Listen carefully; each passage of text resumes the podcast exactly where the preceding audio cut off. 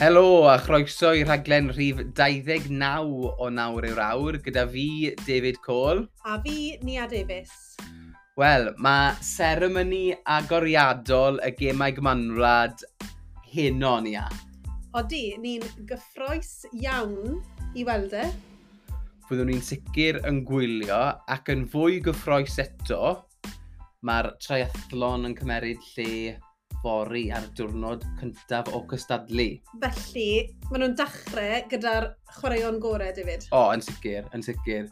A, un o gobeithion mwyaf Cymru a medal, falle? Wel, mae Non Stanford, a fi'n gobeithio bydd rai chi wedi gwrando ar sut mae parotadau Non wedi bod yn arwain lan at y gemau gomanwlad yma. Um, yn sicr, yn mynd am fedal de.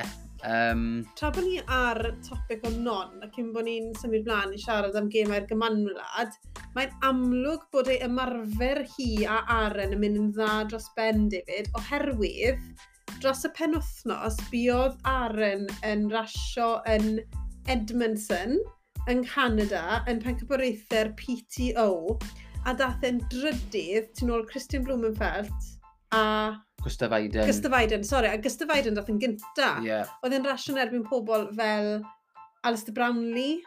Lionel Sanders. A dath e'n drydydd, a wedd e'n emosiynol dros Ben yn y cyfweliad ar ôl y ras, oherwydd mae wedi bod yn cael amser caled iawn gyda anafiadau, a hwn yw'r ras cynta sydd wedi mynd dda iddo fe ers amser maith. Felly, ar ôl gweld pa mor dda nath Aaron perfformio, Dwi'n gobeithio bod ymarfer non yn mynd yr un ffordd, ond dim na'r unig reswm dwi'n gyffroes am y trethlon, David. Achos, yn ystod rhaglen S4C ar yr uchaf bwyntiau nos Wener, ti mynd i fod yn y stiwdio yn dadansoddi perfformiadau'r dydd. Felly dwi ffili aros i weld ti ar y sgrin nos Wener, am ddeg o'r gloch. Fi'n edrych mlaen, dwi bach yn nerfus. Um, Hoffen ddiolch i Gareth um, Owen am awgrymu i Esbarorec i cael fi mlaen i, i dadansoddi neu arolygu uh, y gemau gymanwlad. Mae ras y dynion yn cymeryd lle yn Sutton Park de am 11 um, ar y dydd Gwener cyntaf o'r gemau gymanwlad, a wedyn mae ras y menwr le bydd non yn mynd am fedal am hanner awr wedi dau yn y prynawn. Pellter yw 750 metr o nofio, 20 km o seiclo a 5 km o redeg. Y sprint distance, de, dim yr Olympic distance a dwi'n gyffroes iawn i gwylio ac hefyd fod lawr yn y stiwdio yn, yn dadansoddi y ras. Mae ma Alex i, i fynd i... Mae siawns da, da fe i ennill un o ffefrynnau yn, yn rases y dynion. A hefyd bydd pobl fel George Taylor Brown, Sophie Caldwell yn, yn fynd am fedal. Felly mae chans da iawn gyda'r Prydeinwyr mm. o cael fedal yn, yn y gemau gymanwlad. Felly gobeithio allwch all rai o'n chi gwrando neu gwylio ar, ar rhaglen yr uchaf um, am deg y gloch ar, ar y nos Wener, de? Ie, yeah, gyffroes dros ben. Felly, ni'n mynd i Gerdydd nos Wener er mwyn i ti cael mynd i'r studio BBC i ffilmo. Ond i ni ddim mynd i ddod gytre ar ôl hwnna. Ni'n mynd i aros yn Gerdydd am noswaith. A'r bore wedyn, byddwn ni'n teithio i Lunden i gwylio y seiclo yn y felodrom. Anreg nadolig wrth David i ni lenni oedd ticket i mynd i'r felodrom. Nawr fi'n gwybod... Fi werth i fynd nawr, fi'n gwybod beth sy'n dod. I ni mynd i Birmingham am gemau'r gymanwlad. Felly, cwpl o misiodd yn ôl, o'n i'n meddwl, reit, well i fi bwco hotel yn Birmingham. Sy'n cael Cymraeg am Birmingham, sy'n credu, os e? ym Birmingham. um, felly, es i edrych ar y tocynnau i checo le yn Birmingham oedd yr rasio yn digwydd. Dim ond i weld bod nhw'n digwydd yn yr Olympic Park yn Llundain, felly good job bod fi wedi edrych cyn bwco lle i aros. Un yn o well ni gael trip i Llundain nawr. Ie, yeah, dwi'n edrych mlaen. So byddwn ni really yn cael, wel, penwthnos o fod ynghylch y gemau gymanwlad, fyddwn ni'n gwylio'r triathlon, fyddai'n sylwebu a arolygu ar ras y triathlon a wedyn byddwn ni yn y velodrom yn gwylio um, gwylio'r seiclo prynawn di sadwn. Fi, ni a mama, dad a Harry gyd yn mynd lawr a ni'n edrych na ni gweld, wel, nhw'n mynd flat out rownd, rownd y velodrom yn Llundain. A mae cwpl o enwau Cymraeg mynd i fod i ni cario lligar mas ar y trac, David. Dwi'n jyst yn edrych ar y nodiadau fan hyn nawr. Um, Elined King yn un ohonyn nhw. Ydy. Um, nawr, dwi'n gwybod byddwn ni ddim yn gweld Elen y Bac yn y velodrom, ond mae hi mynd i fod yn rasio ar y ffordd. A mae hi newydd gen i babi yn ôl y mis mawrth.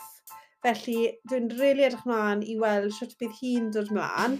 Elena y Bagsted yn enw arall fydd ar y ffordd, ond hefyd yn neud y ras yn erbyn y cloc. Felly mae digon o enwau i ni carol llygad mas amdanynt ar y felodrom dydd Sadwrn. Pwy arall wyt ti'n edrych mlaen i gweld dim yn seiclo neu trethlo yn, yn gyffredinol yn cymryd rhan? Dwi'n edrych mlaen i weld um, ffrind dda i fi Dewi Griffiths de. Beth mae Dewi? Um, mae Dewi mynd i fod yn neud y marathon. Ac hefyd Josh Griffiths. Um, mae fe, fi'n meddwl, yn mynd i wneud y marathon. Natasha Cochram, yn enw arall, sydd yn mynd i fod yn neud y marathon. Ond, yn fwy na ni, dwi'n edrych mlaen i gwylo y twins ni.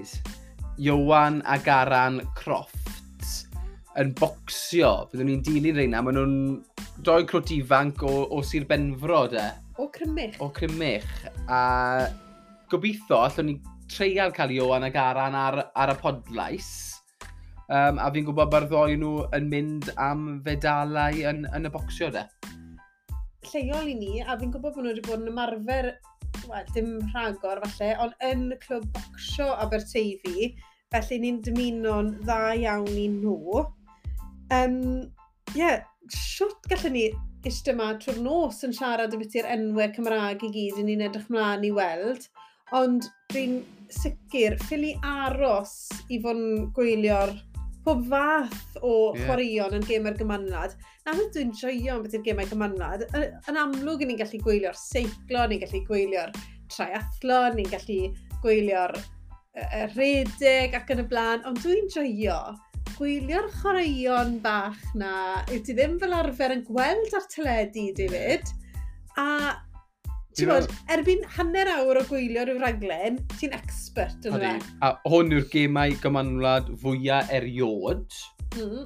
Um, fi'n dros 5,000 Dwi'n iawn yn gweud na, 5,000 o athletwyr. Mae Cymru yn mynd â carafan o 200. Odyn. Um, A mae'n tipyn o beth i, i, i Birmingham lleoli gemau gymanwlad fwyaf eriod. O'n i'n ffodus i cael ei ar stepen drws a gallu mynd lawr i gwylio fe. Odyn, ni yn. Really edrych mlaen iddo fe. Nawr, mae cwestiwn da fi ti, David. Um, Sa'n fod o'r ti wedi gweld o'n heddi, ond ar Twitter heddi, weles i gwisgoedd tîm Cymru... Sa'i wedi wele e, dda, Y gwisgoedd mae tîm Cymru mynd i fod yn gwisgo heno yn y seremoni agoriadol, um, o ti heb weld e? Na, dw. Maen nhw fel siwts nefi, mm. a mae y ddraig goch mm. ar pob ysgwydd yn mynd o un ysgwydd i'r llall dros y cefen. Posh. Ond ti, mae fe yn posh. Ydy yn good look, de? Uh, mae e'n gwahanol. Mm. Pwy sy'n neud y siwts, mae de? um, Julian MacDonald yw'r... Yw fi'n credu na beth yw enw fe. Mae fe'n... Ma fe really... Yn sownd o fel bod fe very much out there. Odi, mae fe eitha, odi. Ond dwi'n siŵr bydd y thletwyr Cymru yn gallu tynnu fe off. Fi'n siŵr bod Geraint Thomas a Luke Rowe yn tynnu fe off, fi'n siŵr. Fi'n siŵr bod Geraint a Luke yn joio bach o, bach o swank hwnna yn cerdded yn y siwt na lawr uh, dar fflag hyn o. Ar y nodyn na, David. Felly ni stop o paraflu mlaen a recordwn ni rhagor ar ôl i ti ddod nôl o studio BBC nos fori. Gret.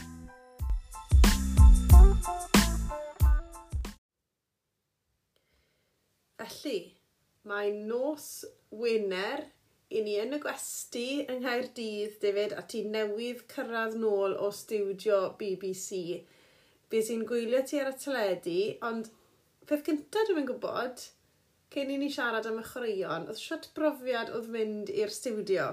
Ah, nes, fi'n gwein o glist i glist ma, nes i joio hwnna mas draw.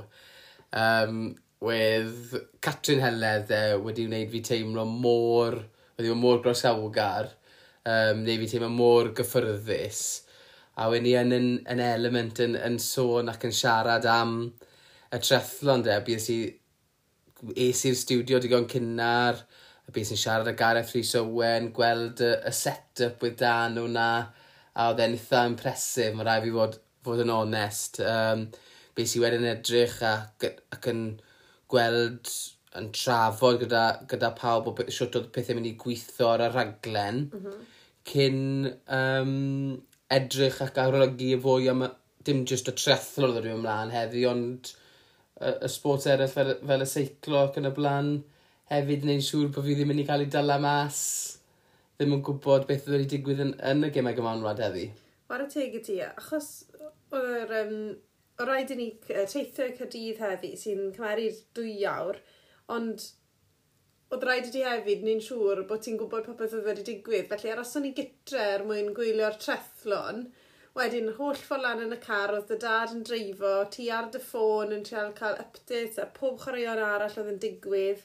Ac yn gynnwys y seiclo yn y fel y drwm, oedd yn tipyn wedi digwydd fy ni, ynddo fe? Do, so o'n i'n...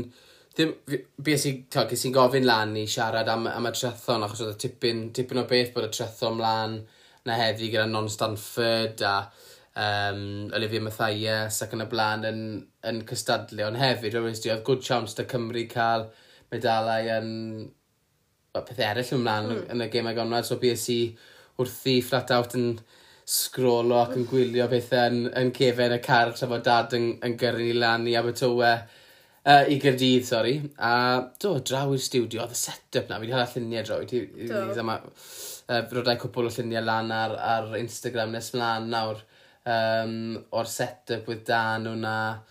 A oedd e'n briliant, es i wedyn am bach o colir, mm. make-up, oedd e'n eisiau fe na'n drenu. Siwr, Will, o'n nhw'n droi lan, o'n eisiau...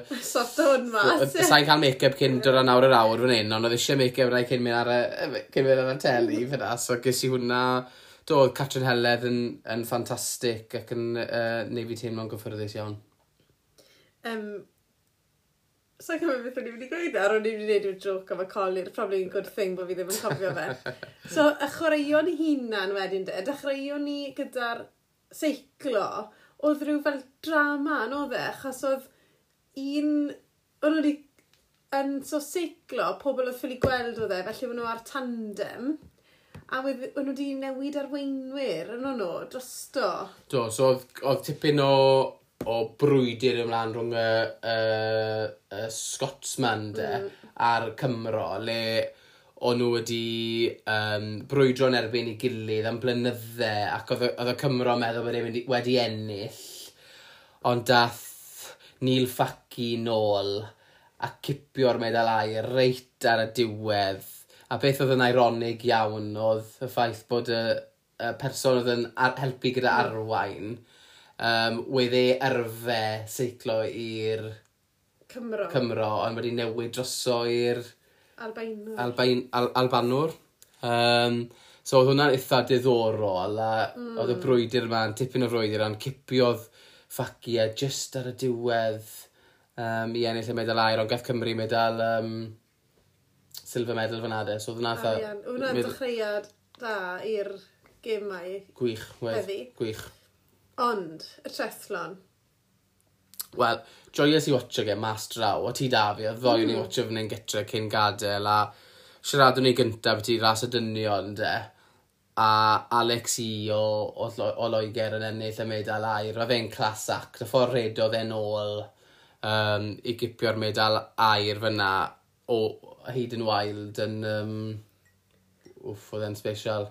Oedd tipyn o drama, fe dde. Mm. O'n i dechrau da, o'n i'n meddwl, o'r eisiau well trefniad ar y trefnwyr a'r ffordd oedd y ras yn dechrau. Achos oedd ddim un o'r athletwyr yn siŵr a wyn o fod dechrau neu beido. Oedd e'n real mes, oedd e? Oedd e'n, ond anyway, chi fi'n siŵr bod chi gyd wedi bod yn gwylio hwn heddi a i ni gyd wedi gweld Hayden Wild yn cael penalty. Carden Elin, dwi fe? Do. A the'r blwch Cosby. A mae ma bach o debate y byti a oedd e'n heiddi hwn neu beido. Ond pan weles i fe wneud e, o'n i'n meddwl, o, oedd hwnna'n... Um, oedd yna un llawer o beic, un llawer o helmet, dim na beth yw reolau yeah. i fod. So ti fod twtio'r helmet nes bod y beic wedi gosod... Ie, yeah. E oedd e wedi ceisio um, apelio. apelio, ond oedd e ddim yn llwyddiannus. A fe'n gweud bod e ddim wahanol i dim byd o wedi'i wneud trwy gydol y tymor. Mm. Fi, yn bersonol, fi'n meddwl oedd e'n anlwc megis. Mm. Um, a wedd e bach o siom bod e wedi digwydd, achos bydde fe wedi dod lawr i sprint finish. O'n i bai am y carden melen, achos goffodd wild tyn ni mewn i'r blwch Cosby, a nillodd Alex i deg eiliad neu'r beth weddi'n so, diwedd. Yeah. A bydde wedi bod mwy diddorol i ni gwylio'r ddau nhw'n mynd head to head am, am y linell derfyn, ond fel newydd i, felly bydde i wedi ennill ta beth. Dwi'n siŵr bydde i wedi ennill ta beth heb y garden, a dwi'n angytuno dy ti, dwi'n meddwl dyle fe wedi cael mm. garden. Fi'n fi'r ochr arall i ti de, mm. ar ôl gwylio a grondo a popeth, dwi'n meddwl oedd e'n oedd e'n really anlwcus. Dwi'n meddwl, Meddwl, os oedden nhw'n neud na i pob un o'r pobol yn y yn y ras, dwi'n meddwl bydd e lot mwy na just Hailed and Wild wedi benni lan yn y, yn y blwch cosbi. O, sa'n gwybod os dwi'n cytuno dyna, achos er enghraifft, dyna edrych ar ti a fi er enghraifft, okay? Mm -hmm yn neud trethro, ond dwi'n ganol slash diwedd y pac, a dwi wastad yn neud siŵr bod fi'n dilyn y rheol fel i'r llythyren. Mm.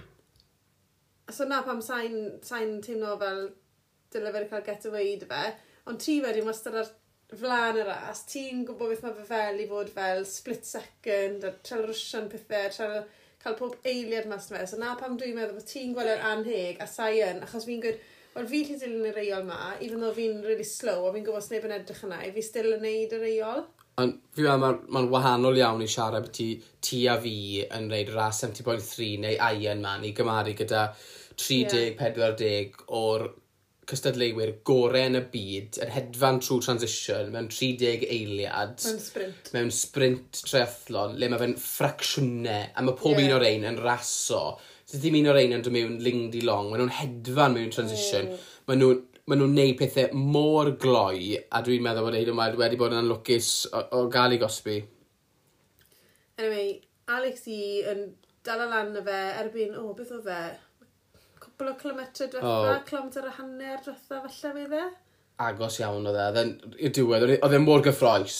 Mm. Oedd e mor gyffroes. Ond i yn cael y medal air, ond llongyfrchiadau enfawr i Estyn Harrett, nawfed yep. i Gymru, a Dominic Coy yn 18fed i Gymru. Parchus iawn. Dros ben. Mae ras y menwad wedyn, nes Flora Duffy yn clas act. O, do. Oedd e... Dominyddi. Ddim quite gwmynt o drama oh. da menwod, achos oedd Flora Duffy jyst wedi mynd na hi o'r dechrau, a wedd... Oedd hi'n oedd hi'n anhygoel. Georgia Taylor Brown yn cael y medal um, arian. arian a efydd i Beth Potter o Scotland. Felly, wedys di bod uh, lot o prydeinwyr mynd i wneud yn dda, a ti'n cywir, Saesnes, a Albaenes. Yeah. a Beth Potter, rhaid ni sôn y byddu hi hefyd. Mae wedi bod yn gym ar gymarnod blaen, ond dim yn ei trathlon, David. Beth... Nawr, red, redwr o... Beth 5 km? Ie, yeah, so mae'n tipyn o athlet. A beth, beth yn anhygoel wedi Beth Potter yn edrych cyn mynd mewn i'r studio hyn o. A oedd Beth Potter wedi redeg i Scotland yn gym ar gymarnod um, yn y gorffennol. A heddi, yn y trethlon, hi oedd cynta mas o'r dŵr. Ie. Yeah. sy'n anhygoel. Sy'n mar y teg i ni. mae'n well, mae'n tipyn o thetraig. Ydy, mae wedi gweithio mor galed ar y nofio, ond... Do, non-Stanford o'n chweched, Olivia Mathias yn saithfed, a o ti lle gweld pa mor hapus wedd y ddoi o nhw yn gorffen, a'r ddoi nhw wedi wneud yn uh, Wel, dechreuwn ni gyda non. Anhygoel. Dwi'n gwybod oedd hi wedi gweud ar y podlais gyda ni bod hi'n really moyn dod yn y pimp ucha, ond wedi'n chweched, ond mae ddim yn edrych fel sy'n bod un ffracsiwn o siom ar ei wyneb hi o gwbl. Oedd hi just mor hapus i orffen. Do, a, a oedd hi'n rhedeg yn dda, oedd hi. Oedd hi'n neud yr amser ôl. Os bydde hwnna'n Olympic a ddim sprint, wff. Oedd hi'n grif, a dwi'n mor falch dros e, mae wedi cael lot o problemau um, gyda anafiadau, ond mae'n dyngos mae'n o clas act diwy, mae wedi cael good bloc o ymarfer. Um, ti wedi gweld faint yw meddwl i hi cystadlu i Gymru. Mm. Um, fe mae'n gweud, she's a very passionate Welsh Odi. Um, person. A, a, a nath hi'n nath hi'n really dda. So i gweld hi'n benni mor gryf ac yn hapus gyda fe, mm. oedd e'n briliant. A Livin Mathias, seren yma dyfodol, felly merch ifanc wedi wneud yn dda iawn. A, a, a fel wedes i ar y, ar y raglen ar heno, um, dwi'n meddwl bod, bod siawns da gyda Cymru i troi cwbl o pen, pennau yn yr, uh, yn yr relay. Wel, ti'n modd, mercher, chwecher a saithfed, beth oedd y dynion? Iestyn Harrod yn nawfed, so mae da ni tri fyna sydd wedi dod yn y, yn y de cynta. Icha. So mae Lloegr i fod mas na yn grif gyda uh, pwysau nhw, George Taylor Brown, ti'n modd. Mm. Ond, ti'n modd, chance da Cymru cael medal. A pwy arall ti'n meddwl bydd yn cystadlu? Australia de? Dyn nhw'n mynd i fod yn ma, gryf? Mae Australia yn mynd i fod yn grif. Ti'n modd, mae New Zealand yn ei fo'n grif. Un peth yw... Scotland yn ei yn grif. Fe Flora Duffy wedi domynydd fi heddi, ond does dim tîm da ni sy'n credu, os e? Bydd Australia yn grif. um, mm. ond mae chance na, dyn ni. Really, really, really edrych mlaen am yr relay. Di sil mwna, ie. Yeah. Ie, yeah, ond byddwn ni'n Llynden, achos bwyr y fori... Ni off to. Ni off. Ni off. I Linden i gwylio'r seiclo a siaradwn ni mwy gyda chi ar ôl i ni wneud ni.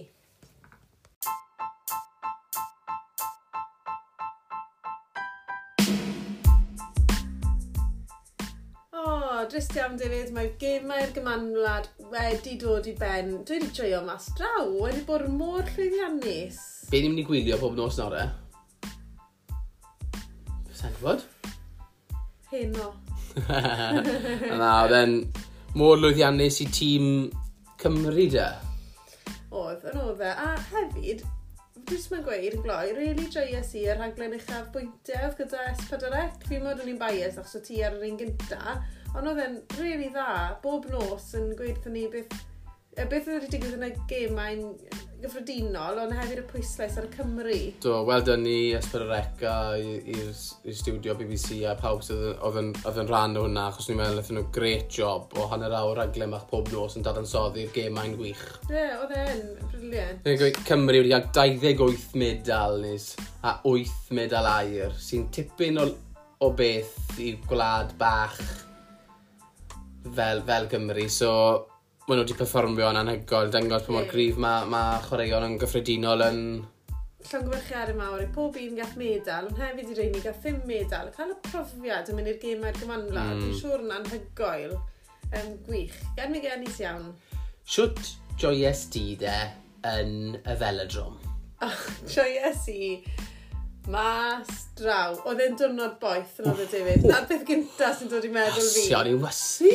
Oh, oedd, so, yn y velodrom oedd David a finne, rhieni David, Helen a Roger, a hefyd Harry sy'n, chwod, jyst i troi'n flwydd. Oh, oedd Harry'n briliant oedd e'n Oedd e'n wistr bwyd Rian. We, oedd e'n, oedd e'n ridwyn mewn na. Oh. Oedd e'n afiach o boeth. Wedd. Yn y velodrom. Wedd. Ond gathon ni gyd bennau, oedd Harry war y teg, gath ei gysgu am bach. A o'n i'n meddwl bydde fe'n cael ofon, achos maen nhw'n literally defnyddio drill i dechrau rai o'r asus ma.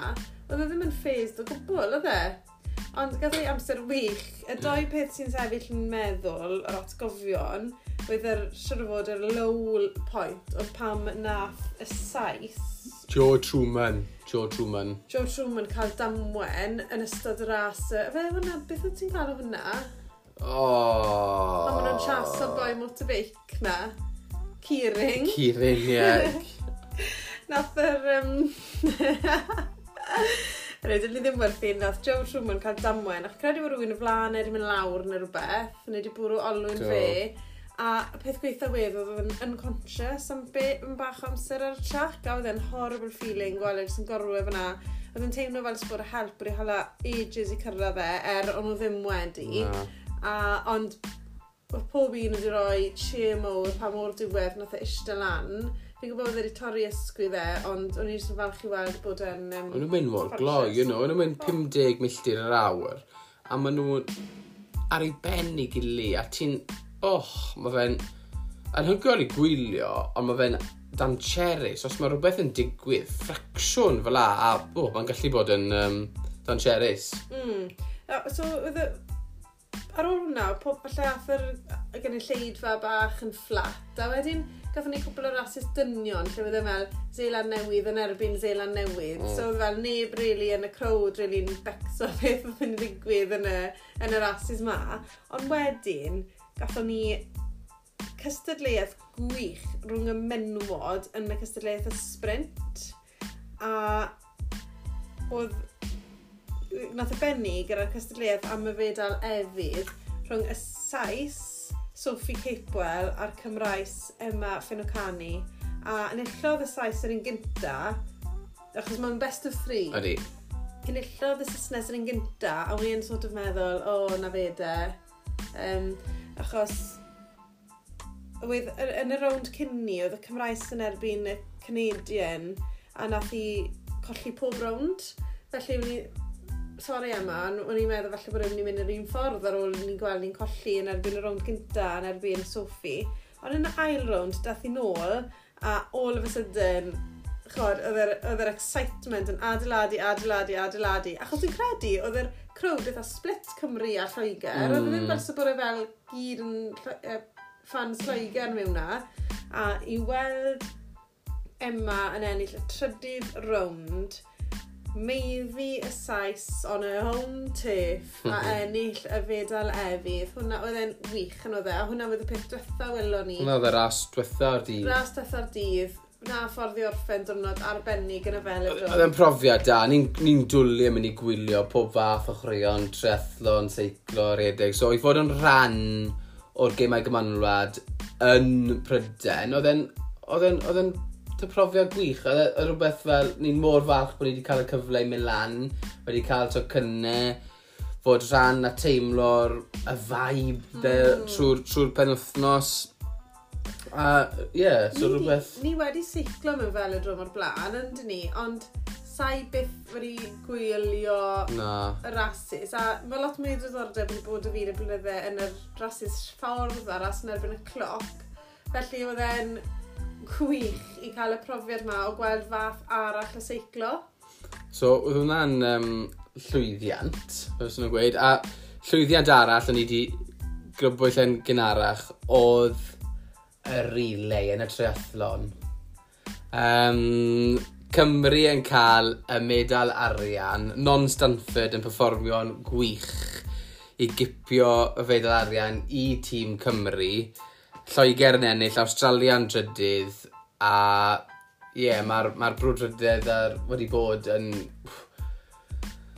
Ie, yeah, ffantastig. E, ers i nhw cael y, y fedal na, a non wedi dod mas yn gweud gemau gyfanol diwetha, hi, fi'n meddwl mae'n mae sôn am retairo nawr cyn diwedd y flwyddyn.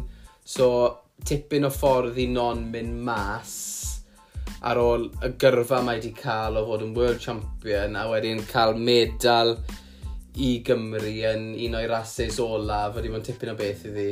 Oedd gweld y relay a just oedd e fel, fel oedd e mewn mlaen, a ti'n meddwl, oh my gosh, mae Cymru'n neud yeah. really dda, so ni hyd yn oed wedi dod i non eto.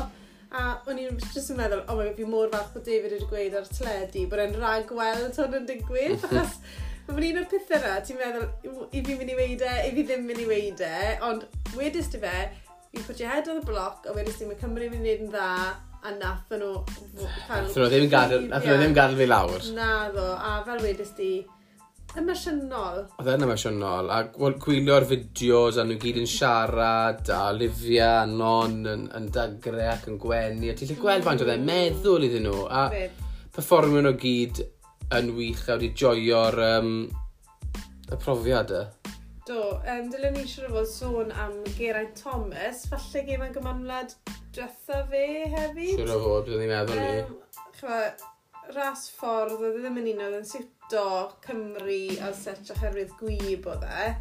Ond oedd llawer o obeithion ar Geraint Thomas yn y ras yn erbyn y cloc Ac yn anffodus, nath Geraint Thomas beth mae Geraint Thomas yn neud, yn nath y cwmpo reit ar y ddechrau. Oedd e yn technegol, a nath e fydd yn môr agos i safio i hunan. Gath e cwmpach, ond Geraint Thomas, chymod mae fe mor grif yn feddyliol. Nath e ddim rhoi'r ffidil yn y to, nath e cadw, cadw eitho, a wedd un amser ar y dechrau yn hanner gyda'r ras yn erbyn y cloc lle o'n i'n meddwl bod e yn mynd i wneud amser nôl, ond anffodus um, Rowan Dennis yn illodd. Ond dwi'n siŵr bod y Geraint yn, wel na, siŵr oedd ddim siŵr ddim yn hapus iawn gyda'r perfformer, ond sa'n credu gallu wedi wneud yn well ar ôl cwmpo. Meddwl arall i Gymru, oedd e diwedd y dydd. Oedd. Ond un o bethau dwi'n mwyn gweud yn gloi eto sy'n sefyll yn meddwl i am, am gêm ar gymanwlad yw'r doi bachgen lleol o Grymych, Garan Croft a Johan Croft. Eto, buon ni'n siarad am nhw yn yr, yn yr intro, a gathen nhw ddim gadael fi lawr eto, mm. nath Garan Croft medal efydd a Johan Croft medal air. 20 blwydd oed i'r ddoi nhw. Mae dyfodol a hanner da'r boes yma. Mm. Maen nhw'n talent diawl dyn nhw. A fi, fi lle gwen yn ymlaen dros y deg blynedd nesaf i gwneud pethau gwych yn, yn, yn bocsio. Fel wedon ni yn yr intro, David, gallwn ni eisiau yma tro dydd yn mynd trwy pob perfformiad arbennig nath Cymru yn ystod gemau'r gymanwlad, ond rhywna yn uchaf bwytiau ni, ynddo fe? Yeah. Felly llongyfarchiadau mawr i pawb oedd yn rhan o'r gemau'r gymanwlad. Diolch am wneud mor dda a i gadael ni i wylio chi a i fod yn, yn rhan o'r o'r cwbl o wythnosau yna.